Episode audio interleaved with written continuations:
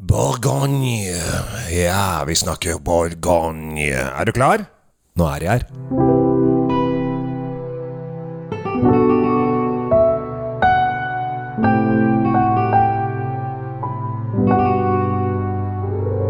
Velkommen til Drinkfeed eh, og eh, en ganske spesiell episode, syns jeg. da Vi skal snakke om Borgon, Bourgogne. Bor, bor, bor, bor, bon, ikke Burgund, men Borgong. Og vi kommer tilbake til hvorfor det heter det litt seinere i, i denne sendingen. Men i dag så har jeg tatt turen ned til Vinmonopolet på Aker Brygge. Og jeg visste inne i butikken. Det er jo ikke ofte vi, ofte vi har innslag å si, der, der det skjer, der varene forlater hylla. men det, det, passer å gjøre det nå. Og, og, det jeg tenker er at vi må snakke med noen som veit hva de snakker om.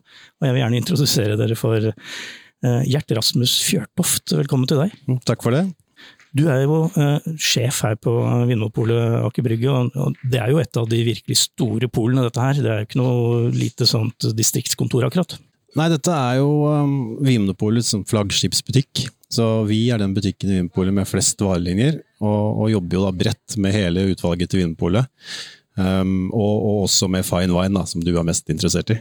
Ja, det er jo det vi skal snakke om nå. fordi Bourgogne er jo, er jo liksom den ene gangen i året, og da sover folk i kø utenfor her. Og, og, i år har de vel sovet ekstra lenge, så vidt jeg har forstått? Ja, i år er det litt ekstra. Så Burgund, som, jeg, som vi sier da, det er jo det er jo litt sånn nerdenes hevn. For 15, og 20 og 25 år siden så var det jo de aller mest interesserte som, som smakte vin fra Burgund. Vinene var tilgjengelige i, i markedet, men, men, det hadde ikke noe stor kommersiell Ikke den kommersielle interessen da, som det har nå i dag. Fordi det er jo penger det handler om her. De som ligger i kø her, de, kjøper, de vet hva de skal kjøpe, og målet deres er jo ikke akkurat å løpe hjem og drikke den til fredagspizzaen. Først og fremst så tenker jeg at er, vin er et landbruksprodukt. Og det som er unikt med viner fra Burgund, er jo at de viser på en veldig sånn tydelig måte hvor de er laget.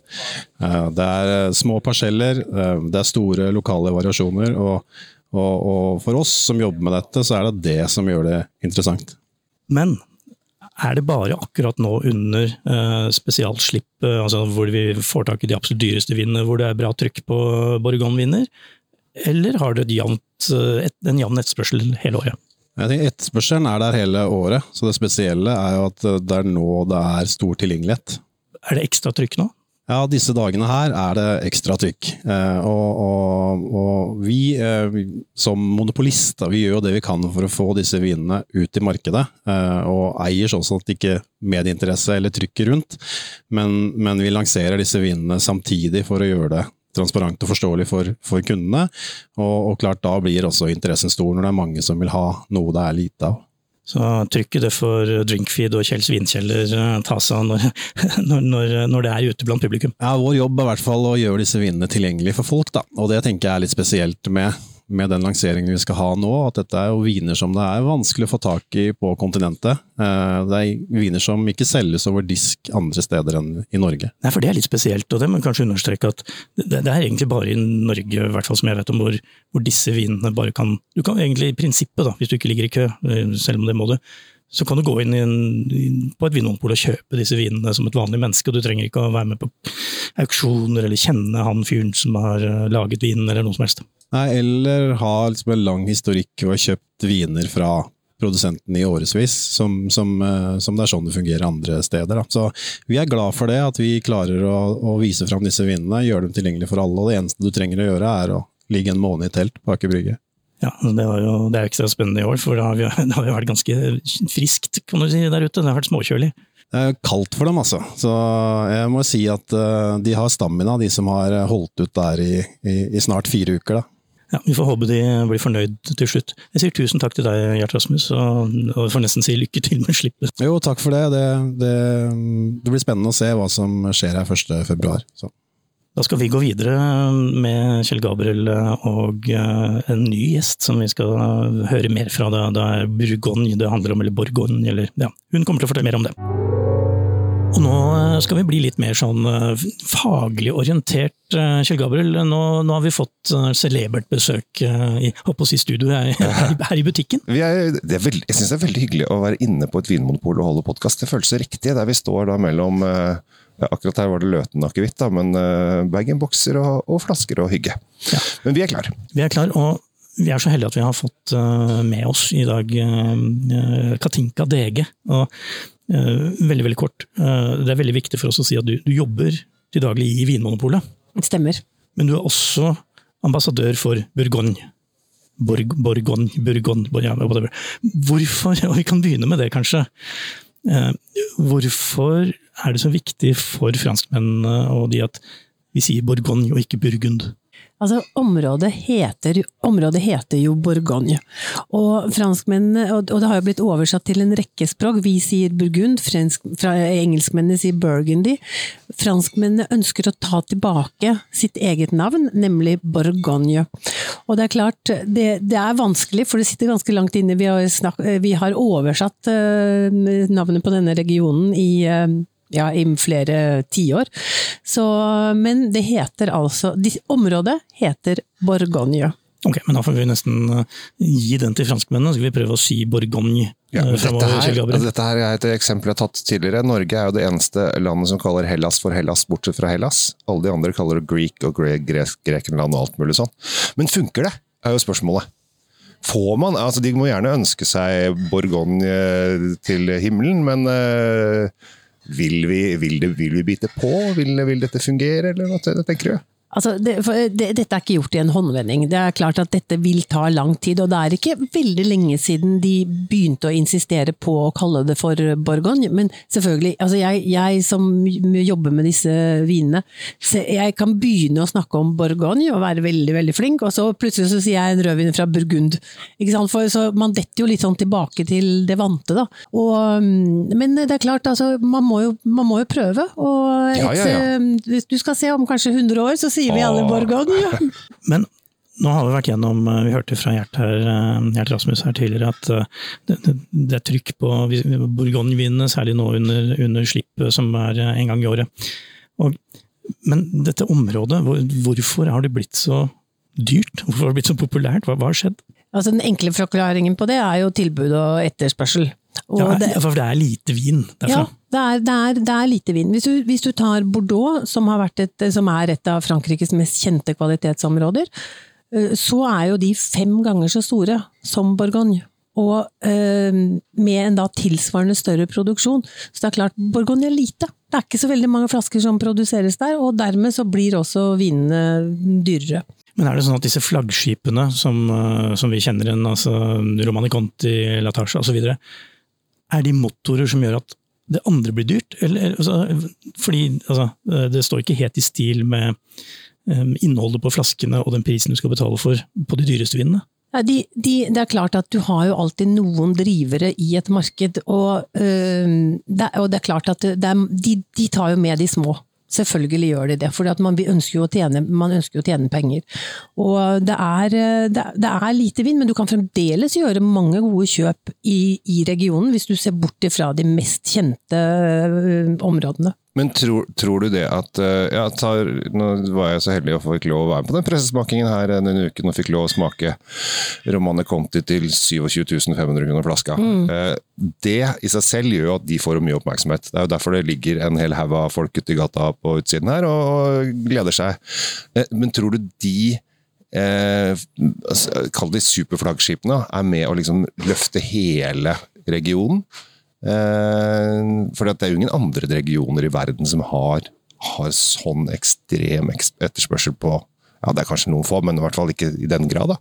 Men jeg tror, jeg tror du finner noe av det samme i andre regioner også. Så se Bordeaux. ikke? De, de fem aller beste slottene der, de er jo med på å drive inn fra Bordeaux oppover. Og du har jo også det samme i Italia, med altså supertoskanere som har vært med på å drive uh, viner fra Toskana opp. Så, så ja, jeg tror nok at de er, er med på det. Vi må også snakke litt om de som lager vinen. Mm. Fordi jeg vet at i, i Bourgogne så har Du er har- flink. Ja, jeg, jeg, jeg, jeg syns jeg får det til. Ja, ja, ja, det går veldig bra. Der har de jo tenkt framover. No, noen har tenkt, og de har sendt sine, eh, sin, neste generasjon har blitt piska rundt ut i verden for å lære og for å suge til seg inntrykk og prøve å kjenne på er det markedet vil ha, hvor, hvor går markedet Og så har de kommet tilbake, og så begynner de å lage vin i Bourgogne. Og det må jo bety noe. Ja, altså, eh, Det er jo veldig mange familiebedrifter i, i Bourgogne, og vinmakeryrket har jo gått i arv fra far til sønn gjennom, gjennom generasjoner. Men i dag så er jo eh, altså, Vi lever jo i en global verden, og de unge, eh, nyere generasjon har jo reist veldig mye mer. Og de har også fått folk som har reist til dem. Og de har delt erfaringer, de har delt kunnskap. Og de er ikke redde for å samarbeide heller med hverandre. Og det er jo noe som på en måte skiller den nyere generasjonen fra den gamle, hvor man holdt kortene mye mye tettere til, til, til brystet. Og man, det var ikke alltid at vinprodusenter i, i nord f.eks. eksempel, visste så veldig eller den nordlige delen av Borgon da, var så kjent med hva som foregikk i den sørlige delen av Borgon. Og vi snakker ikke om veldig store avstander her. Nei, for det er som du sier det er jo, Du kan ta sykkelen. Du kan ta sykkelen. Du kan, ja. du kan, altså, I Tour de France så går det jo på fem minutter, så er vi igjen. Ja, ja, de, de, er litt ekstra. De drikker ikke så mye vin. Nei, de, de sykler jo fort. Men ok, så kom jo kongespørsmålet til deg, Katinka, som, som, du og jeg skal uh, forske litt mer på utover, Kjell Gabriel. Mm. Går det an å få tak i uh, borgonviner til en, en kristenpris, til, til, til, noe som folk flest har råd til? Hva skal man se etter da? Altså, det er veldig mange av de mindre kjente landsbyene som produserer, lager veldig bra vin. Og nå har jo også, det har jo blitt varmere ikke sant, i, i, i Borgon, Så, og det profitterer disse mindre kjente områdene, som kanskje lå litt i utkanten uh, før, litt sånn marginalt eh, klima, ikke helt modne, modne druer. De har nå blitt uh, veldig bra. Og vi har jo hele Eh, det som heter Haute Cotte Bonne og Haute Cotte de Nuit, som ligger på en måte litt høyere opp bak denne mest berømte åsryggen, som heter eh, Cotte Der kan man gjøre veldig gode kjøp. Du har eh, kommuner eller, og landsbyer som Bernard Vergelès og Saint-Romain for, for hvite. Du har aussi Dures for Charille Bonne for de røde. Og så har du jo hele den sørlige delen av Bourgogne, sør for Côte d'Or, nemlig Côte Chalonnaise og Côte Maconnet, som nå produserer, lager veldig, veldig bra, bra viner. Og mange av produsentene, altså de veletablerte produsentene i de nordlige, kjente områdene, de har jo etablert seg øh, sør. Og det er jo med på å heve kvaliteten på vinene fra det distriktet. Ja, for da, da, da, kommer nerden inn og sier at ja, men jeg vet at han vinmakeren der, sånn, som jeg har fulgt nå i alle år, han har plutselig flytta ned, ned, til et eller annet ja, ja, ja, ja, Men nå skal det jo sies at å kjøpe vinmark i den eh, mest kjente delen av Cotor, det mm, er eh, ikke spesielt gunstig priset. Så... Nei, vinene derfra er heller ikke spesielt gunstig priset, sånn sett. Det, det, er du, det, er ikke noe du tar til lørdagsspis sånn uh, uten videre. Nei. Kjell Gabriel, hva tenker du om Drikker vi for lite bourgognevin? Mm, ja og nei. Eh, ja, altså, det, det selges jo ut. Eh, problemet kanskje har vært at det har vært et par år det har vært litt frost, så de har jo fått litt lite avlinger, som har også vært med å skru denne prisen opp. da, Som gjort at ting har blitt litt dyrt. og Jeg fikk senest uh, snakket med en venn på vei hit, og så sa jeg hva jeg skulle. Og så, ah, ja, hva, hva, har du noen gode anbefalinger til under, under 400 kroner? Eh, ja det fins jo viner under 400 kroner, men det begynner å bli færre der også. 200 kroner, da, Du får ikke noe under 200, så du må liksom, det er liksom 300 pluss og oppover. da. Og jeg tror for mange så er jo det mye for en flaske vin. Som for hvermannsen. Uh, og, og, da kommer liksom utfordringen. Uh, drikker vi nok? Ja, men er de rimeligste Bourgogne-vinene Å, jeg var flink jeg sjøl. Er de, er de eh, på kvalitet som kanskje eh, samme pris for et annet, annet område som lager da, Chardonnay og Pinot Noir? da. Eh, det er jo det, det, er det spørsmålet man må stille seg. Eh, og så er det selvfølgelig Borgon. oi, oi, oi, det er jo flotte saker. Eh, og det har et godt rykte, og det jo, skal jo være blant det beste. Så jeg er litt usikker, jeg vet ikke helt hvor jeg står. Uh, det, det, det, var et, det var langt svar på ingenting, men ja, vi konkluderer vel med at uh, vi kan godt prøve å finne andre, uh, altså viner fra andre områder, ja. som du kan ta deg råd til. Det er vel, det er vel lov å si. Pers personlig så er jeg, jeg synes det, Når jeg har vært og gjort linjesmakinger i Bourgogne, så er Vouvray og Saternet på rødt viner som tiltaler meg veldig fort. Eh, av en eller annen merkelig grunn. Jeg har liksom vært gjennom en hel range. Eh, men det begynner å bli dyrt, det òg. men det er jo ikke sånn 1000 kroner dyrt, men det er 400-500-700 kroner dyrt. Men da er, det veldig, da er det egentlig veldig bra å se litt lenger sør igjen, til type Macon der, og, og Côte Chalonnaise, Rui for eksempel. Mm. Det, er, det er masse områder, Mercury, Mercury er kanskje begynner å bli litt dyrt det òg, men det er områder der hvor du kan gjøre altså få god valuta for pengene. De er jo litt mindre kjent, så de har heller ikke den muligheten til å så ta den samme prisen som de mest Det er, jo, det er jo kjempebra, for de gutta som, og jentene som ligger, står på utsiden av polet her og har ligget der i, snart i en måned og skal ligge her i flere uker til, sikkert, de er så opptatt av brands. Altså det er, de, de er opptatt av de dyreste og flotteste. Uh, Antakeligvis er det de får mest igjen penger på hvis de skal selge det videre, som de sier at de ikke gjør, men sikkert mange gjør. Uten at vi skal spekulere for altfor mye i, Vi i det. vet du hva? Vi skal- jeg, jeg tror det. Vi skal ut og snakke med dem etterpå. Ja, vi gjør det. Vi- vi må stikker ut og prate prater med dem. Og så finne ut, for de kommer aldri til å innrømme det. Nei, vi skal drikke alt sjøl. Uh, det er jo veldig synd også hvis de bare ligger der for å kjøpe det videre, for vin er jo til for å nyte, så det er jo ikke til for å Altså Spekulasjon i vin selvfølgelig, det vil alltid være det, det, vil, det og, og spekulasjon i kjente merker vil det alltid være. Men jeg tenker, altså vin er til for å nytes. Det er vi helt enig i, i Altså, begge disse podkastene. Men, men det- Katinka, det er litt morsomt da. Hvis du ligger utenfor polet her i én måned Mm. eh, og kjøper deg en åtte-ti flaske vin, eh, så er det jo da Du skal jo da også Du har ikke jobbet, eller kanskje du kan ha hjemmekontor utpå her, hvem vet? Kobla deg til gjestenettet til Vinmonopolet. Eh, men det, er, det skal jo fors- forsvare en del penger at det er jo naturlig at noe selges her. Og Ja det vil jeg tro at det gjør også. Men selvfølgelig, man, jeg smakte da denne dyre vinen her, og jeg syns jo dette var en fantastisk vin. Men jeg har ikke 27 500 kroner til å bruke på en flaske vin, eh, sånn personlig. Nei, nei. Og det er vel få som har. Det er veldig, veldig viktig for oss. Men det er gøy! Det er kjempe, Ja. helt unikt å få lov å smake. Det er det. Kan, jeg, kan jeg si noe nå? Ja, vær så god.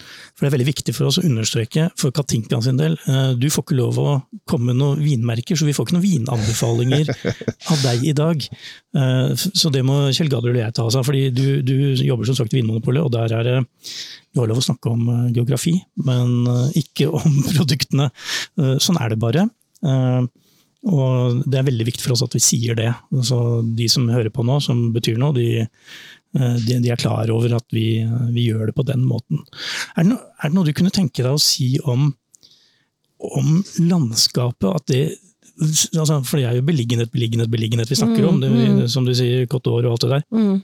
Er det som, er det noe magisk med det området som gjør at det har vært så populært? Altså, vi snakker jo helt tilbake til romerne, vi kommer ikke utenom romerne. Vi er innom romerne nesten Nei, ja, vi er, det, det er helt sant. De har, satt, de, de har satt sine spor. Men du kan si det som er så veldig spesielt her, er jo det at eh, det er så veldig store forskjeller på jordsmonnet og beliggenheten på vinmarken innenfor veldig, veldig, veldig små avstander. Så eh, hvis jeg har vinranker i min hage, og du har hagen ved siden av, så kan vi ha helt forskjellige utgangspunkt for å lage eh, den ene eller den andre vinen, selv om druene er den samme. Borgon sånn sett er veldig lett, fordi det er to druer, det er pinot noir og, og, og chardonnay, men det er et vell av ulike, ulike jordsmonn som uh, har på en måte skapt denne myten om, uh, om eh, Bourgogne. Skal vi dra og starte kjøkkenhage i Borgogne, Kjell Gabriel? Det, det, må vi, det må vi gjøre. Det, er- det er sikkert Jeg, jeg, jeg vet at det blir, ikke- det blir ikke mye gulrøtter. Men du, som du sier, da, det er jo der eh, det er jo Pinot Noir Chardonnay, altså er det Gamay og Aligoté for det enkelte området, men hovedsaken er det, det, er- det, jo, det er jo i og for seg kjempeenkelt der. Ja. En bit, en rød. Ja, ja. Uh, og det skal ikke være så veldig vrient, men allikevel så er det avansert. Ja, men det er, altså hvis du, du, alle disse vinmarkene har, jo- er jo navngitte, de har jo, de har jo et navn. Og innenfor én vinmark så kan jo være utallige eiere. Så selv om du kjenner navnet på den på vinmarken, så kan du eh, få kanskje 50 ulike typer eh, vin, fordi at det er 50 ulike eiere. Så det er så, det er så, det er så mangeslungent, og noen lager kjempegod vin, andre dager vin som er mer middelmådig. Og det å ha den kunnskapen Jeg kjenner den vinmerken som er øverst i det høyre hjørnet, ikke sant? og den produsenten som er der, han lager fantastisk vin. Mens han nederst i det venstre hjørnet, han lager ikke så god vin. Og det gjør jo at dette her også blir veldig sånn myteomspunnet. da. Ja. Du skal vite hvem som gidder å stå på morgenen, og hvem som eh, bare lar det sulle og gå. Ja, på, på, på pressemarken så var det en Jeg mener han sa han hadde 0,2 hektar av én åker. Og det er, ikke, det er ikke mange plantene, det, egentlig. Nei, det er ikke Eh, Da det, får, får du et par tønner, kanskje, og det, det stopper der. Ja. Og da skjønner man jo også at det etterspørselen når du har, Hvis du har tre tønner, da, og det er det du greier å produsere Mm. fra den åkeren, da blir det jo, og alle vil ha det, så blir det dyrt. Mm. Eh, men Romani Conti har vel monopolvinmark på Så det er, det, altså det er jo indrefileten av indrefileten. Eh, Det er den som er den dyreste, selv om du ikke kan svare på selv vin, men det er den dyreste vinen som selges på pol. Vi kan, vi kan vel si at uh, nå tok Katinka så litt sånn opp i taket og nekter å gi uttrykk for noe som helst, fordi sånn er det bare. Jo, men det er den dyreste vinen. Ja, som er kommer den til Norge. vinen. Ja, alle, det, det er ikke noe hemmelighet. Nei. Og de lager da monopol, så de har enerett på akkurat denne åkeren, som da etter sigende har vært den beste åkeren. Siden Augustus-dager, og da mener jeg keiser Augustus, og ikke en Augustus Glup fra, fra den filmen. Eh, Jeg lurer på om vi skal la, la Katinka få lov å gå tilbake til eh, kontoret sitt og gjøre det hun eh, får betalt for å gjøre. og dere skal få lov til å smake uten meg. Ja. Jeg misunner dere egentlig lite grann, men øh, sånn er det. Men, Sånn er det. men det, det må kanskje Du smaker jo en del eh, Bourgogne-viner Mm. hele tiden, for det er ditt eh, fokus. Eh, kan du si noe generelt, for nå var det 2021 som kom nå. Eh, 2020 hadde jo en del frostproblemer, så vidt jeg husker. Eh, 2021 hadde kanskje ikke så mye av det. Nei, men Avlingen i 2021 er veldig liten. Ja. 2022 er eh, mye større, mye større avling, så der er eh, forhåpentligvis så vil prisene ikke i hvert fall øke så mye som vi så en økning fra 2020 til 2021. Så Ja, men 2021 er- er veldig, en veldig, veldig liten årgang. Ja. Vil du rangere den på generell basis som en god årgang, en middels årgang, eller sånn passe?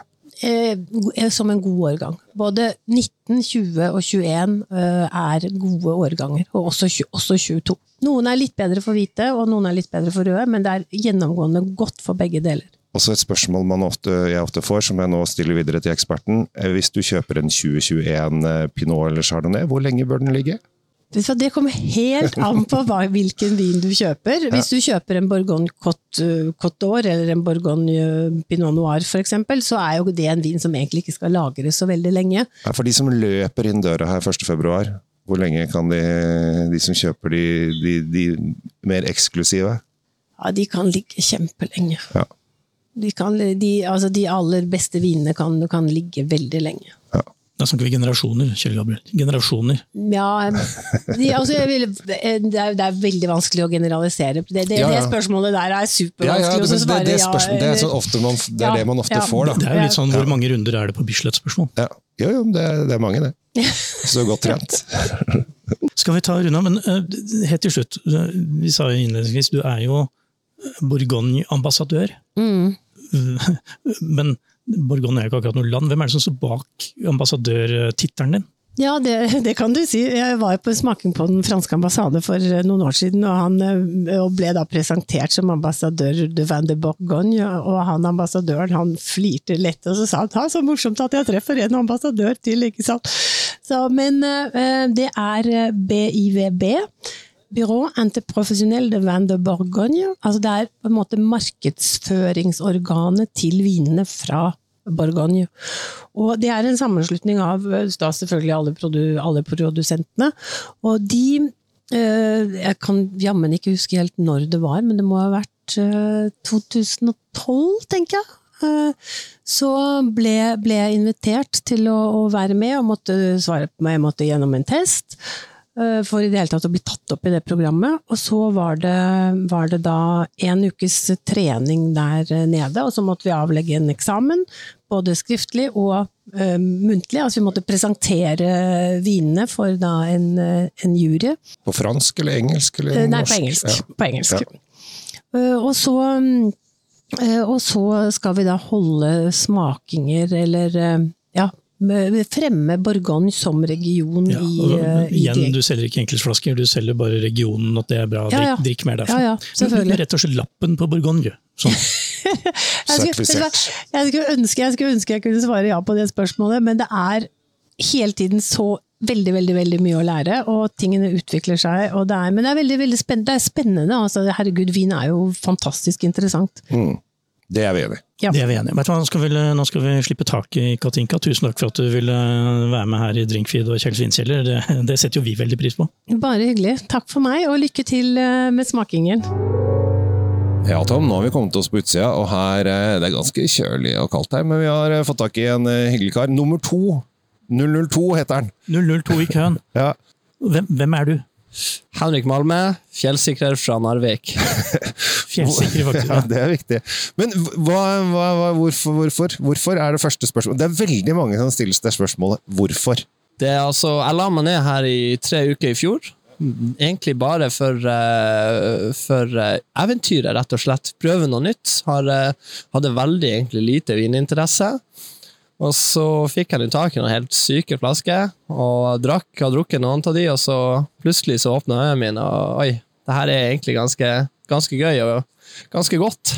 Så da ble det Da måtte vi jo toppe. Vi lå tre uker i fjor.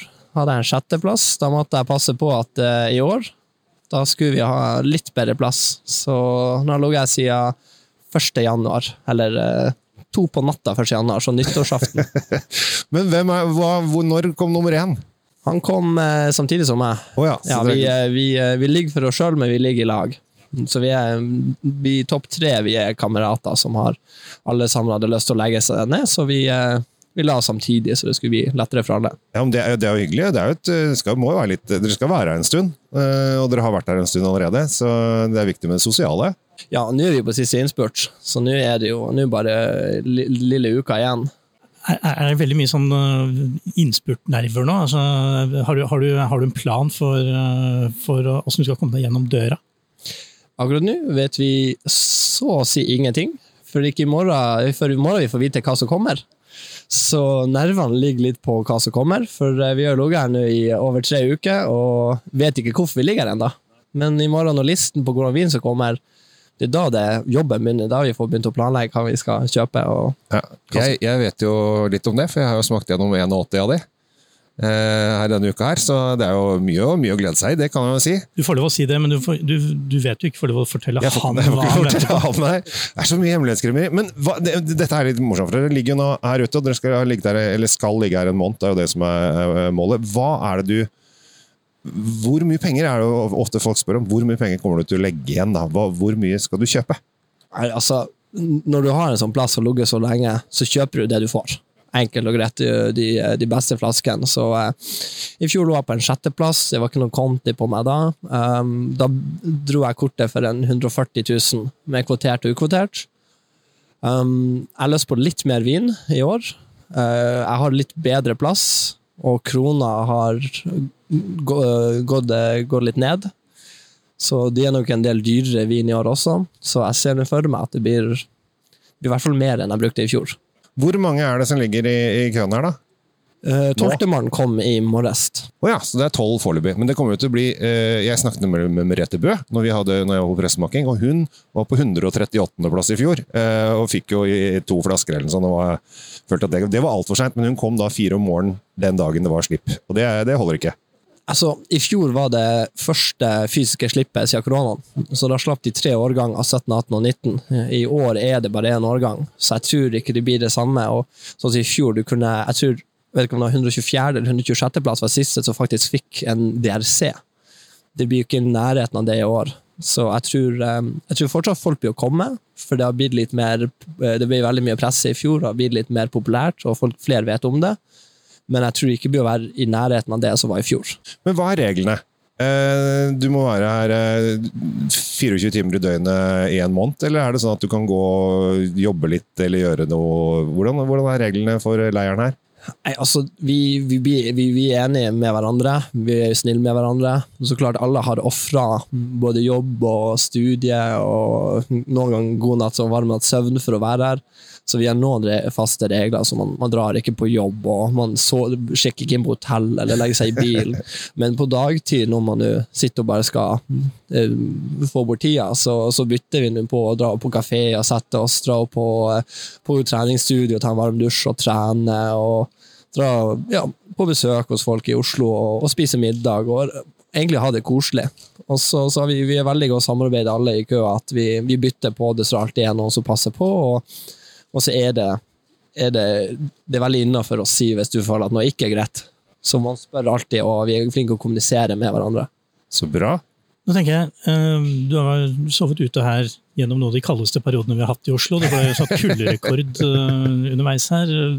Men dialekten din sier jo at dette er jo easy-peasy, men har det egentlig vært så greit? Det har egentlig vært ganske fint. Det, jeg tror aldri jeg kunne brukt ordtaket 'jeg har vært ute en kald vintertrant' før, eh, som har passa så bra. Men er jo, jeg er jo litt klimaflyktning, så jeg er jo, jeg er jo her nede i, i varmen. Så klart, eh, 25 minus tre netter på rad, det var Altså, det var, det var, det var en hard kneik å komme seg ut av soveposen. Men jeg tror det verste, det var nå i starten, når vi var på litt over ti minus. Jeg hadde ikke fått vinterposen, så jeg lå i en sommerpose, og eh, vi fikk spysjuka. Og lå her eh, på natta og frøys og spydde og var dårlig. Det var, eh, det var litt hardt. Men dette er et spørsmål. Hva drikker dere? Når dere sitter og venter en måned, hvilke viner går det i? Eller drikkes det ikke vin? Jeg hørte rykter om, var, Vi var jo på polet her i stad, da hadde vært noe, dere har vært på noen ølsmakinger og litt sånn forskjellig? Altså, I dag har det vært spesialslipp for øl. Ja. Så vi, eh, jeg tok med meg en seg første gang på, på eh, spesialslipp, så tok jeg med meg, så gikk vi inn og stilte oss bak køa der. Bare så, Det er jo ikke i nærheten av det som vi på Burgund, og så kjøpte vi en god flaske. For det er jo, det er jo litt spesielt. Men det er, altså, det er, det er vann og Farris og brus det går i teltet. Um, veldig lite altså, Vi har ikke drukket en dråpe alkohol selv i teltet. Har dere ikke det? Er det ikke lov?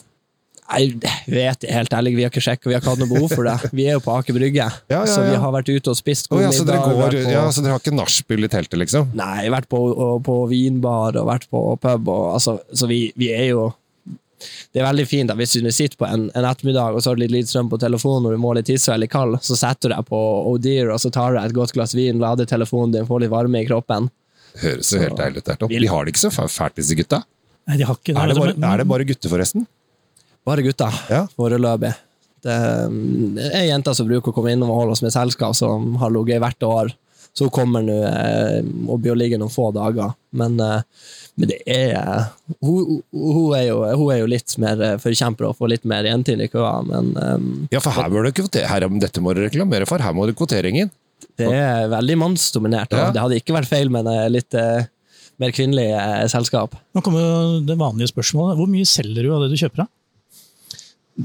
For å være helt ærlig så vet jeg ikke nå, for jeg vet ikke hva som kommer. Men uh, det, altså det er jo eh, Det har vært veldig mye spekulasjoner på hvem ligger vi for, og hvorfor ligger vi her. Og kan jeg helt ærlig si at ut av alle de jeg kjenner foran i køa, så ligger alle for seg sjøl. Nå skal det jo sies at det som er flott med sånne her slipp, det er det at jeg kan gå inn som er relativt ny innenfor vingamet, men glad i god vin. Kan kjøpe meg masse masse gode flasker, ligger i uka her, og så kan jeg selge to-tre flasker, og så er alt finansiert. Så jeg skal ikke, jeg skal ikke lyge på at, eh, at jeg ikke blir å selge. Eh, Men det kan godt hende at noe blir solgt for å faktisk finansiere. Ja, for eh, Det var vel snakk om i Bergen i fjor, så var det en gutt og en jente som lå da i tre-fire uker og fikk betalt eh, 100 000 eller noe sånt for å gjøre det. Eh, Stod det i avisen. Eh, så det er jo noen som eh, sikkert gjør gode penger også. Men det, det, du sier at alle som er her nå, foreløpig er, er interessert. Ja, ut av de jeg, jeg, kjenner i starten. Det har kommet noen i går og i dag som jeg ikke har blitt så godt Det er ikke noen noe russegutter og au pairer og Det er ikke det. Ikke det Det, det, men det ser vi, i fjor var det en russegjeng som vi leide inn her i slutten, og kom en gjeng med polakker. Og, og de i Bergen, jeg kjenner jo til det. De er, vi har en felles venn og kjenner litt til historien deres også, og det var også veldig sånn Mye av det som ble skrevet, det var veldig sånn eh, Journalistene visste hva som selger på artiklene, ja, ja. og pressa veldig på noen punkter.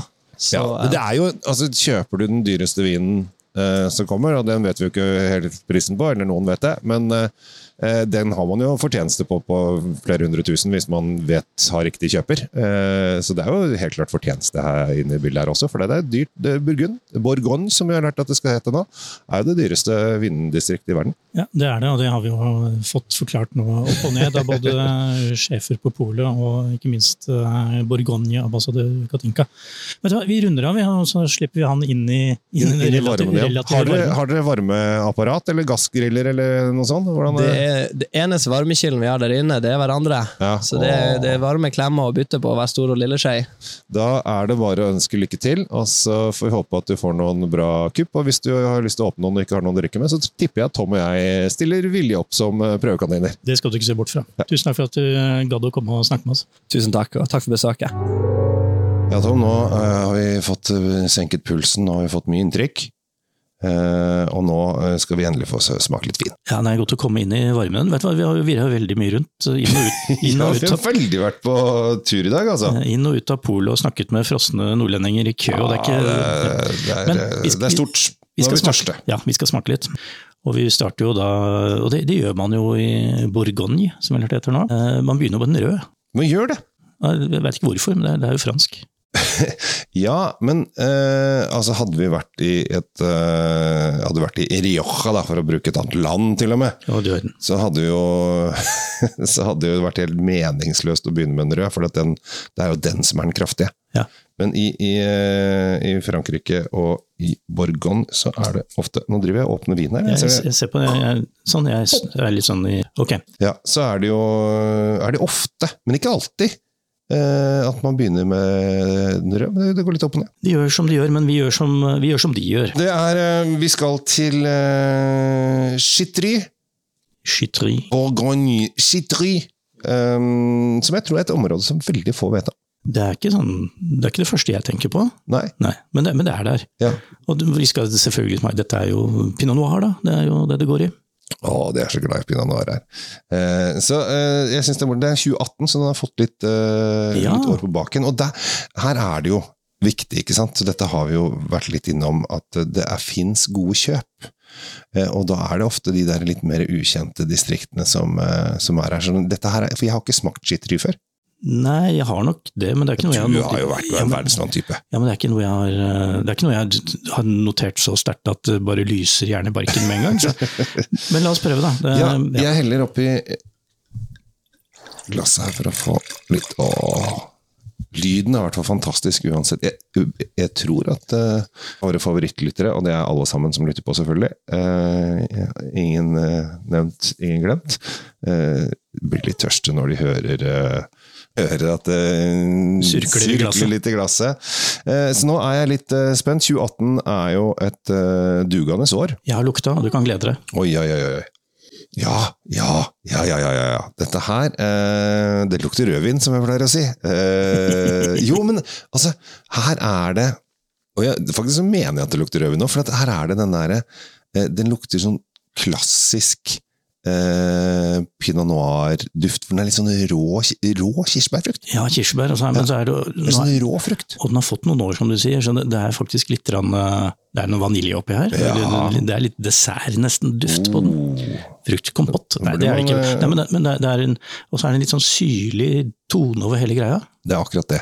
Og den, eh, den sånn, I hagen min så vokser, har vi kirsebær, og det er sånne sure kirsebær. sånn surbær. og det De er veldig lik den du, som det lukter Ja, det, det altså. akkurat den rå frukt, altså den litt sånn rett, lettere rå kirsebærfrukten, som man eh, bare har Det er sånn litt sånn der norsk sommerfeeling på den, hvis du skjønner hvor, eh, hvor i verden jeg vil. Norge. Jeg smakte mens du snakka. Ja. Veldig nydelig anslag av en blanding av sånne myke tanniner, og så er den veldig syrlig. Og så kommer, kommer denne blandingsfrukten Det er ikke sånn at den slår deg i ansiktet, men, men altså, dette er en matvin, vil jeg si, først og fremst. Den, eh, den trenger følge av et eller annet for, Ja. å, for, for å komme helt ut, ikke sant? Ja. Men den er mild, den er um, behagelig, eh, veldig fruktig.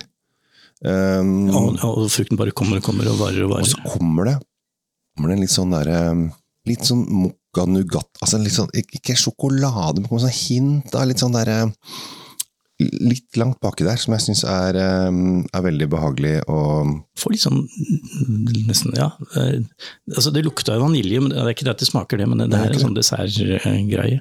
Veldig bra. Hvor mye koster herligheten her, da? en 320. Det er virkelig ikke galt for dette her, altså.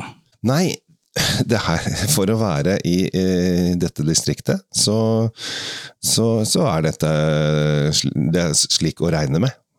Så, Ja, det vil jeg tro. Ja, jeg syns dette her var um, Veldig bra. Skytteri. Jeg, jeg tror kanskje jeg skal forske mer på skytteri. Jeg vet ikke hvor mange produsenter vi har fra, fra skytteri i, i Norge. Eh, hvis jeg går inn på Polens side, så er det én. Så det er denne, da. Ja, da, da da der er den, Er der er, der er den, eh, Kjell Gabriel. Jeg som tenkte å satse skikkelig på å forske på skytteri, så er jeg ferdig. Ja, takk for nå. skal jeg løpe av gårde og hente en hvitvin til oss, jeg? Ja. Fordi trenger en, vi, tar, vi tar um, en hvit før vi runder av dette showet, syns jeg. Ja, vi må ha rødt og hvitt. Altså, vi, er Vi må- vi må jo det. Vi kan ikke lage, lage podkast Nå gjør jeg vi, Nå lager du lyd igjen. Jeg, gjør, klar- ja, jeg gjør klar. Ja, da har jeg løpt i trapper jeg, og holdt på her, Kjell Gabriel, så jeg er jo litt andpusten faktisk. Men jeg, jeg har tatt med en eh, jeg tatt med en ordentlig en til deg. Ja, jeg driver og åpner her nå. Jeg syns det er hyggelig at jeg får eh, oppgaven altså Det er antakeligvis fordi at jeg har en enorm muskelstyrke, altså, men jeg, jeg får oppgaven å åpne disse vinene. Um, Nei, Sannheten er at du er yngst, ja, det er det. så du får jobbe mer. Det er viktig. Uh, men jo, men det er bra, bra trening, det er åpne vin. Uh, vi er da i, um, i uh, Bourgogne Cote d'Or. Uh, dette er da en chardonnay. Og dette er jo indrefileten av, eh, av alle fileter. Det er akkurat det. Vi er, for dere som lurer på hvilke byer som nærmer seg her, så er det en by som heter Dijon. Der har de sennep. Altså. De det? Er det det? Det er det de har. Jeg måtte si det, du måtte ut med en gang. Jo, men altså, tenk å være derfra, så bare uh, Hvor kommer du fra? Kommer fra Dijon. Å ja. ja. Er, Sennep. det må være litt trist. Men de har vin også. jo da, de har vin. De har vin. Um, men mest, jeg er veldig glad i sennep. Jeg, synes det, Ja, jeg hadde jo syntes det vært gøy, men jeg tipper at de som bor der, kanskje er litt lei. Spesielt når de, hvis de møter en amerikaner. For Ja, vet nei, ja, amerikanerne ja, spør- ja. lurer på så mye dumt. Jeg har vært der, og de, altså folk er veldig stolte av både navnet Dijon, men også av produktene de lager. Og de lager ikke bare sennep, de lager alt mulig rart. Og snegler, snegler med her og der og sånn. Men veldig, veldig, veldig nå, eh, Codor er jo liksom Gulåsen, eller en slags blanding av Holmenkollen og Montebello på en gang. eh, og best, beste Frogner. Alt, alt i ett sted, i en sånn åsrygg bortover, og det er kalkstein og det ene med det andre. Og Ja. det, det, dette kan jo folk egentlig lese opp på sjøl, fordi det er jo, det, det, det er jo eh, pensum, hvis du begynner å rote med, med Det er akkurat det der. Og eh, her kunne jo selvfølgelig, her har man jo Montrachet og Merceau og alle disse uh, Gevry Chabertin Ja, det er mye, mye blått blod i vinverdenen Ja, ja, der. Ja. Så det er, eh, men eh, vi gikk jo da for en vanlig, for vi er folkelige, så vi gikk for en vanlig Cote d'Or. Det vil si at eh, den kan vel, eh, druene kan hentes fra hele området. ja, det er jo Du har liksom ikke noe stedsspesifikk. Vi er på trinn én på denne kvalitetspyramiden vår, men det betyr jo ikke at det er, at det er noen dårlige greier allikevel. det- er bare det at eh, sånne som du og jeg har råd til å kjøpe den. Ja, det er helt riktig. Så skal jeg bare helle oppi Føler jeg må ha litt ekstra i glasset. Du, bare, du, du gikk jo bånski med en gang. Ja, ja, ja. Sånn.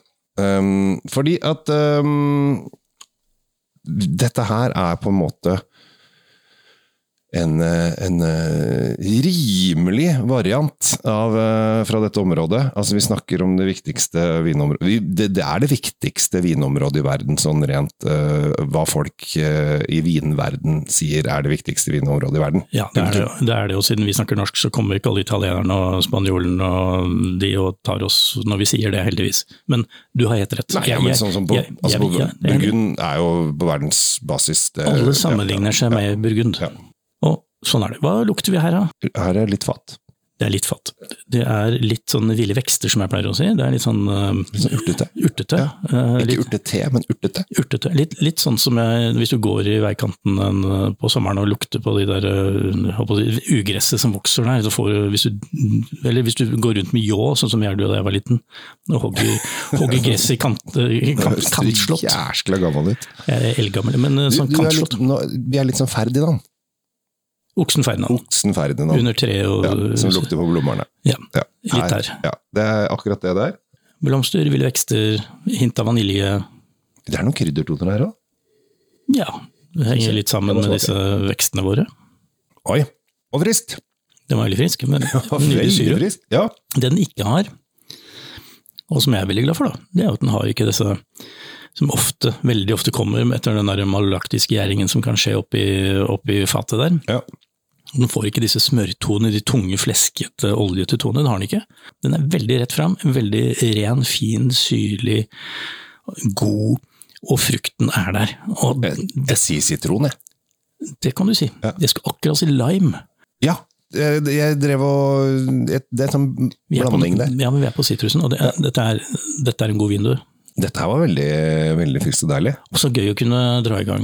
Nå, nå, nå er det jo sånn at disse menneskene som ligger i køen her, de skal straks storme inn og kjøpe. Og så vet de ikke engang at den vinen er innpå der. For jeg tror den er på bestilling. Eh, Den eh, er på bestillingsutvalget. Eh, Den har vel Det, som jeg syns er litt morsomt her, er det at navnet er Arnaud Germain. Og Germain betyr tysker, gjør det ikke? Jo, det er vel en omskrift, men det Ja, er jo Saint-Romain. Denne her er ikke inne på et eneste bord, dette er en bestillingsutvalgsgreie, og ikke på spesialslipp. Så dette her er en sånn der, vin som de som ligger i kø ikke kommer til å finne ut av, fordi at den er ikke inne på polet, og denne må du rett og slett bare ta tak i og bestille sjøl. Og det som er gøy, her er det da 50% fat og 50 eh, stoltank fra vår eh, Arnold Tysker, som vi kan kalle han, gang Germain, eh, til under 300 kroner. 289,90. Nei, du kødder. Det er 290. Vet du hva, den her hadde jeg prisa atskillig høyere. Vel også trodd det, eh, og den er fortsatt Det er en 2022, så den er ung. Denne blir bare bedre. Denne vil være ung. Den skal jeg fort, vet du hva, jeg skal løpe ut så eh, Ikke løpe, jeg skal sitte helt rolig her foran Mac-en min, og så skal jeg bestille, bestille opp nå før vi legger dette her på lufta. For det er jo ikke, dette her er jo ikke noe vits å løpe, for det, at du, det er bare å sitte helt rolig. Bestille på Vinmonopolet. Bestill i ditt lokale pol, så går du bare og henter når den er klar.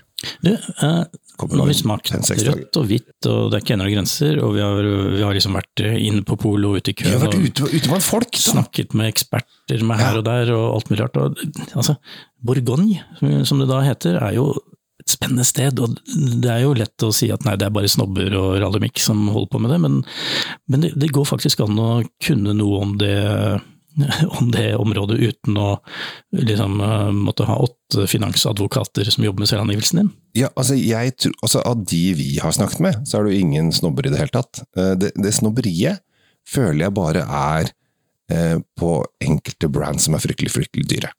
Ja, Som for eksempel eh, vår venninne ikke fikk lov å si sånn Romani Conti og sånne ting. Det skal de ha, alle disse store Hvis, hvis noen lurer på hvorfor ikke Katinka er å smake med oss forresten, det må ja. hun nesten si, så er det fordi Hun får ikke lov. Hun får ikke lov. Hun jobber jo tross alt i Vinmonopolet, og da får ikke hun lov å snakke noe pent om noe vin som hun smaker på.